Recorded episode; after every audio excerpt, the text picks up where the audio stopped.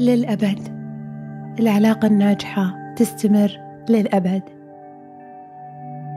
إذا هي صداقة حقيقية تستمر طول عمري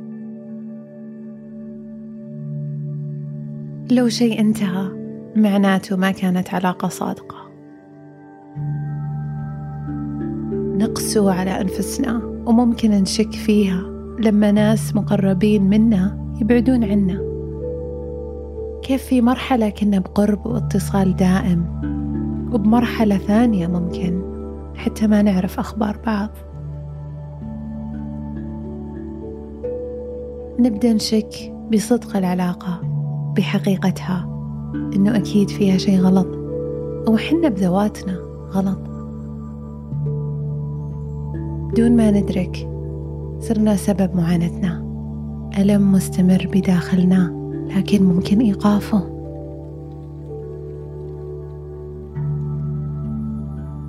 لما ندرك ما في داخلنا نقدر نغير القصة اللي نقولها.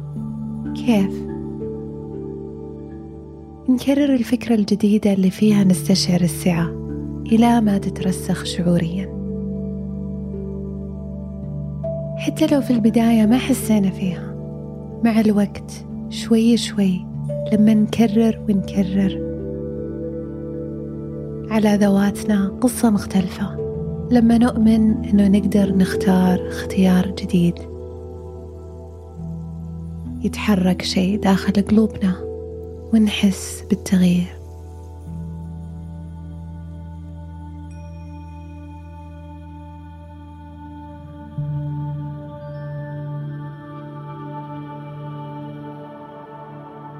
نشوف كيف الحياة لها مواسمها وبعض العلاقات كذلك تأتي لسبب. الموسم معين في حياتنا وتنتهي بانتهائه.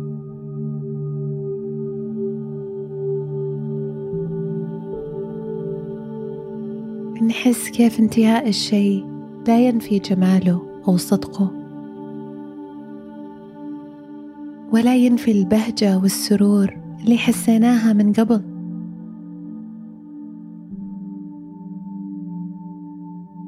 نحس كيف معيارنا بصدق العلاقة مو شرط كونها للأبد في لا يعني أنه اللي تشاركنا من قبل غير حقيقي. لأنه حقيقتها بأثرها على قلوبنا ودعمهم لنا في الحياة في تلك المرحلة.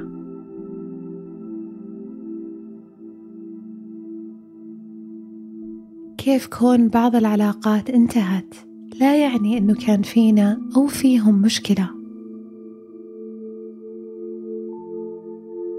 لكن فقط يعني إنه حنا بمراحل مختلفة في الحياة باحتياجات مختلفة ومو الكل رفيق مستمر بالرحلة هذه.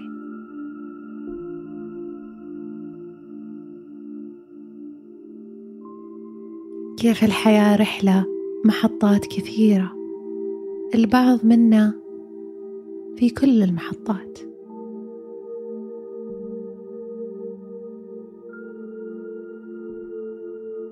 كيف الحياة رحلة بمحطات كثيرة؟ البعض معنا في كل المحطات. والبعض معنا لمحطات معدودة أو حتى المحطة واحدة اكتملت غاية العلاقة كذلك.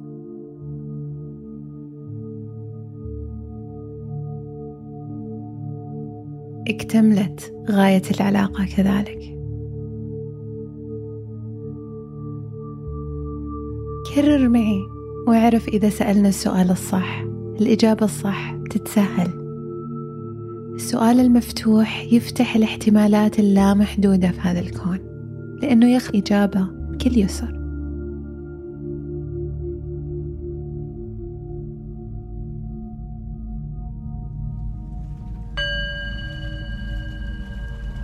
كيف استشعر حكمة العلاقات بتعددها وتنوعها بمواسم الحياة المختلفة؟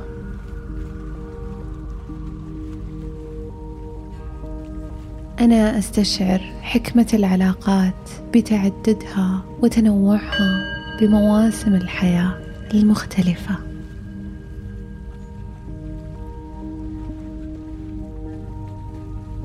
كيف أكون في امتنان لكل من رافقني في رحلتي سواء استمر معي أو رحل. أنا في امتنان لكل من رافقني في رحلتي سواء استمر معي أو رحل.